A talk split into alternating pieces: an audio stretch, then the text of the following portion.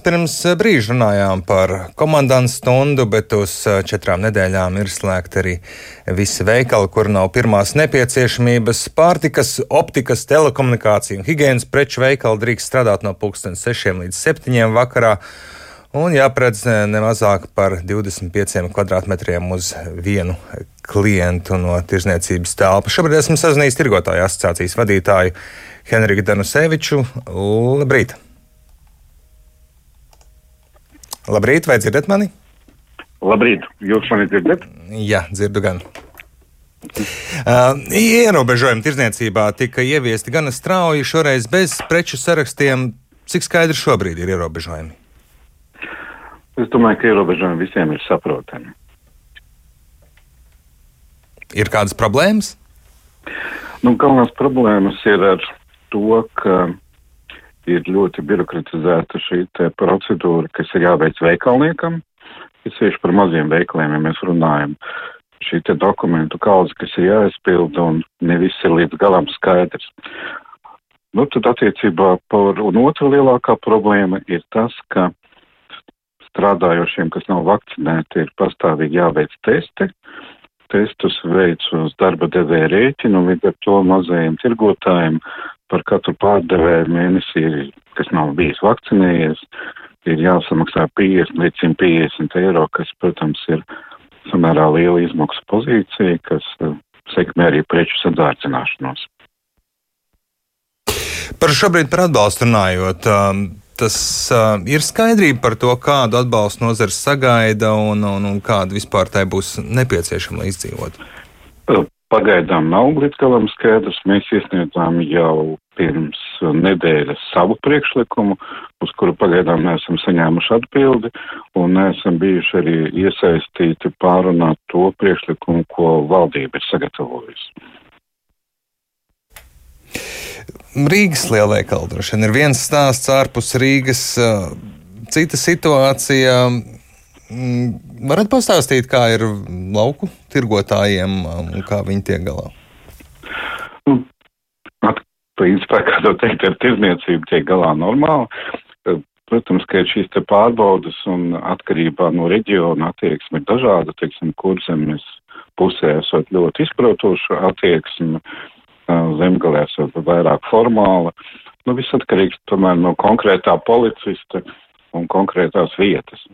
Mēs gribētu, lai policija būtu vairāk orientēta uz to, lai pārbaudītu pēc būtības un iedzināties sīkumos.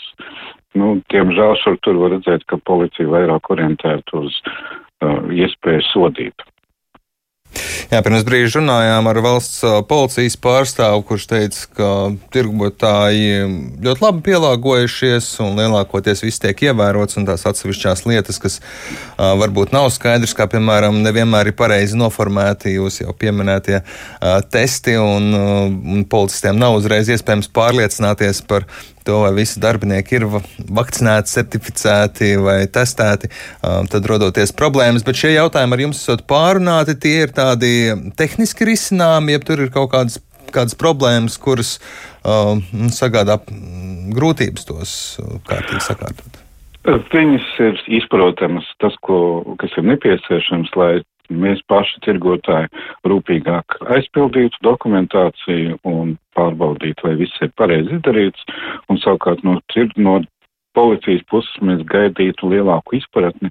Ir sevišķi problēmas rodas laukos, kur ir šī 10 km zona, kuras ietvaru, kur, ja veikals atrodas vairāk kā 10 km no testēšanas vietas, viņš pats drīkst veikt testus un nu, daži policisti pieiet pārāk formāli vai arī nezin šo te normu, pēc galam viņi neizprot. Bet tā kopumā viss ir relatīvi mierīgi.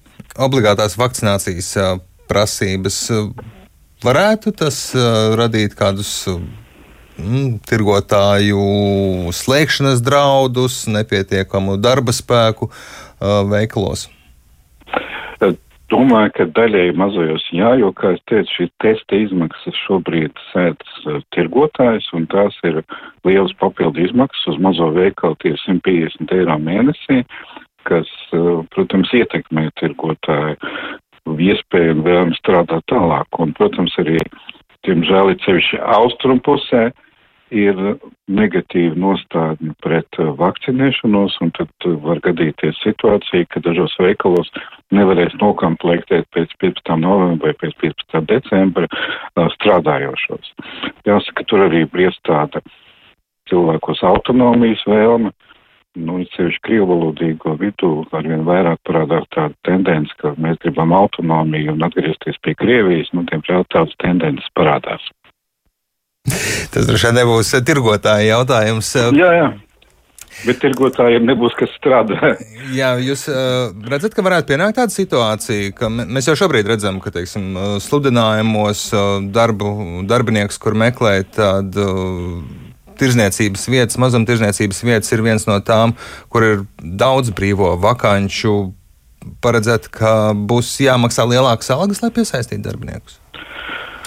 Domāju, ka nē, jāsaka, ar to cilvēkiem jāvakcin, jāvakcinējās. Mūsu nozarē līdz šim pirms nedēļas bija 48% tikai vakcinēto, tāpēc nu, tas uzdevums ir ļoti liels. Un, bet mēs redzam, ka cilvēki arvien vairāk ir gatavi vakcinēties un dara to, bet nu, šis testēšanas sloks, protams, izmaksas gulstas uz tirgotāju un gala rezultātā uz pircēju pleciem.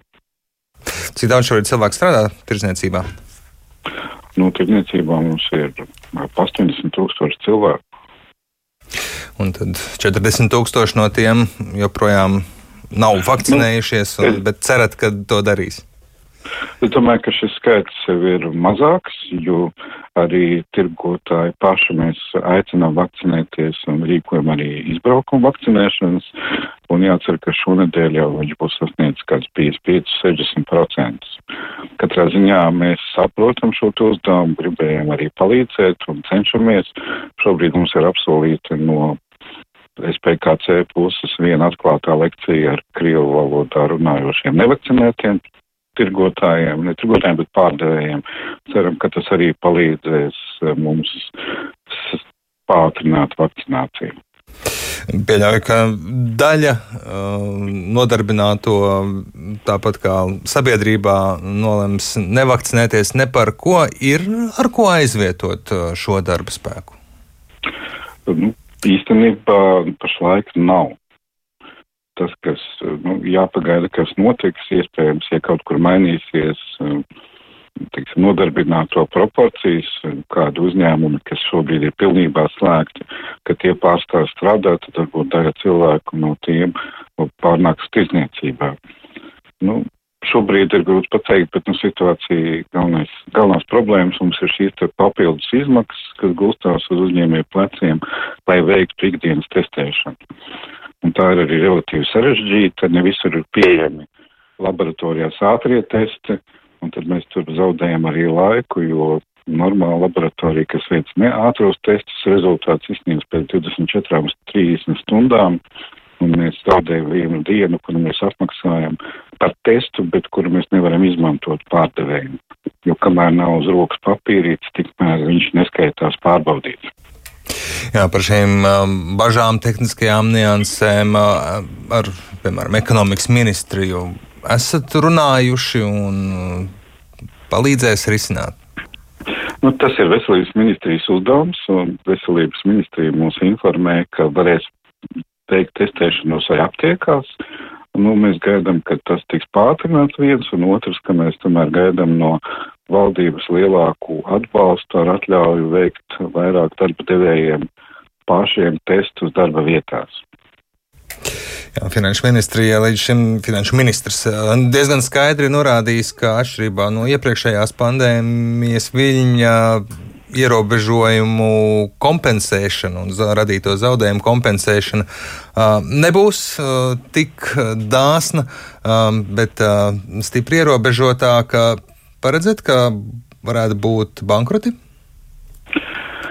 Jā, izsevišķi mazo uzņēmumu vidū mēs jau, mēs jau līdz šim brīdim nesam saņēmuši atbildi uz mūsu pavasara komentāru par atbalstu, kur mazajiem uzņēmējiem tika piešķirts proporcionāli pārāk mazs atbalsts, un mēs aicinājām viņu palielināt līdz 50% no apgrozījuma. Nu, diemžēl mūsu finanšu ministrija neatbild par to, uz šo jautājumu.